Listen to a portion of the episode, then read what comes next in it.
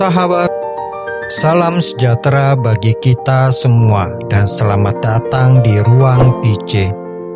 Sebelum kita mulai, jangan lupa di like, share, komen, dan subscribe bagi yang belum. Aktifkan juga lonceng notifikasinya supaya sahabat selalu mendapat pemberitahuan setiap ada konten baru. Selamat mengikuti. Sepanjang sejarah gereja, devosi kepada hati kudus Yesus mulai berkembang sejak abad ke-12. Banyak orang kudus yang mendorong devosi ini semasa hidupnya. Di antaranya seperti Santo Bernardus, Santo Bonaventura, Santa Matilda dari Marburg, dan juga Gertrude dari pertapaan Helfta.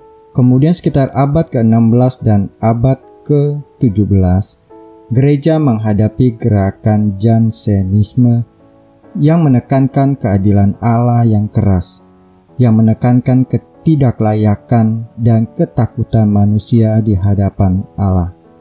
Paham Jansenisme bertentangan dengan ajaran kasih Yesus. Sejatinya ajaran ini sesat karena menjauhkan manusia dari Allah membuat citra Allah yang Maha Rahim menjadi buram. Pada masa itu, devosi kepada hati kudus Yesus mampu memberikan gambaran spiritual yang seimbang dan membangkitkan kaum beriman dari dalam diri mereka tentang kasih dan kerahiman Allah melalui hatinya. Hal itu juga disampaikan oleh Santo Fransiskus dari Sales dalam kerasulan dan homilinya. Secara khusus dan istimewa, melalui Santa Margareta Maria Alacoque seorang suster di Perancis menerima penampakan diri dari hati kudus Yesus pada tahun 1673 sampai 1675. Kepada Santa Margareta Maria, Yesus menganjurkan kebaktian khusus kepada hati kudusnya pada hari Jumat pertama dan memberikan 12 janji kepada mereka yang setia berdevosi kepada hatinya melalui bantuan Santo Claudius della Colombiere, Bapa rohaninya, Santa Margareta Maria mempromosikan devosi kepada hati kudus Yesus. Pada tahun 1856 Paus Pius ke-9 menetapkan pesta hati kudus Yesus bagi gereja universal. Lalu pada tahun 1899 Paus Leo ke-13 mengangkat tingkatan dari devosi menjadi liturgi sebagai hari raya. Bentuk devosi kepada hati kudus Yesus yang dianjurkan gereja adalah konsekrasi pribadi kita kepada hati kudus. Litani, doa pemulihan, dan devosi Jumat pertama. Devosi hati Yesus yang Maha Kudus akan menuntun kita kepada kasih Allah, syukur dan pertobatan. Anugerah tersebut akan kita alami dalam sakramen Ekaristi dan rekonsiliasi. Sejatinya, semua devosi harus mendekatkan dan mengarahkan kita kepada sakramen-sakramen gereja. Berkat teladan hati kudus Yesus, kita diharapkan semakin bertumbuh dalam kesabaran, kerendahan hati, dan kemurahan hati.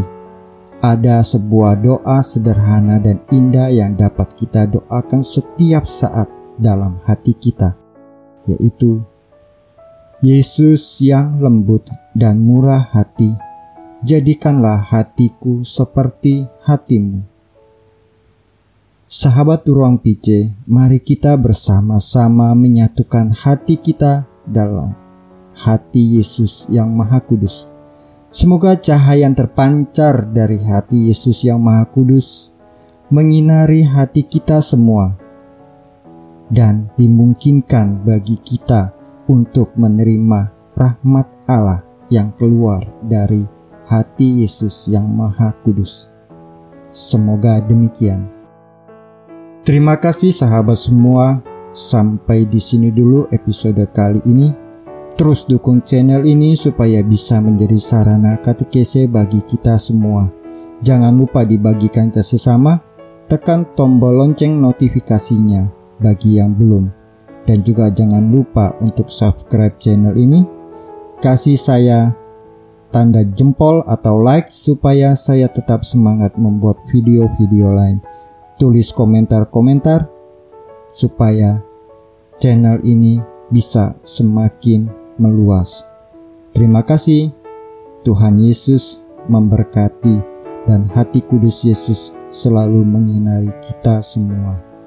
Non scole set vita discimus. Sahabat Ruang PC, demikian episode kali ini.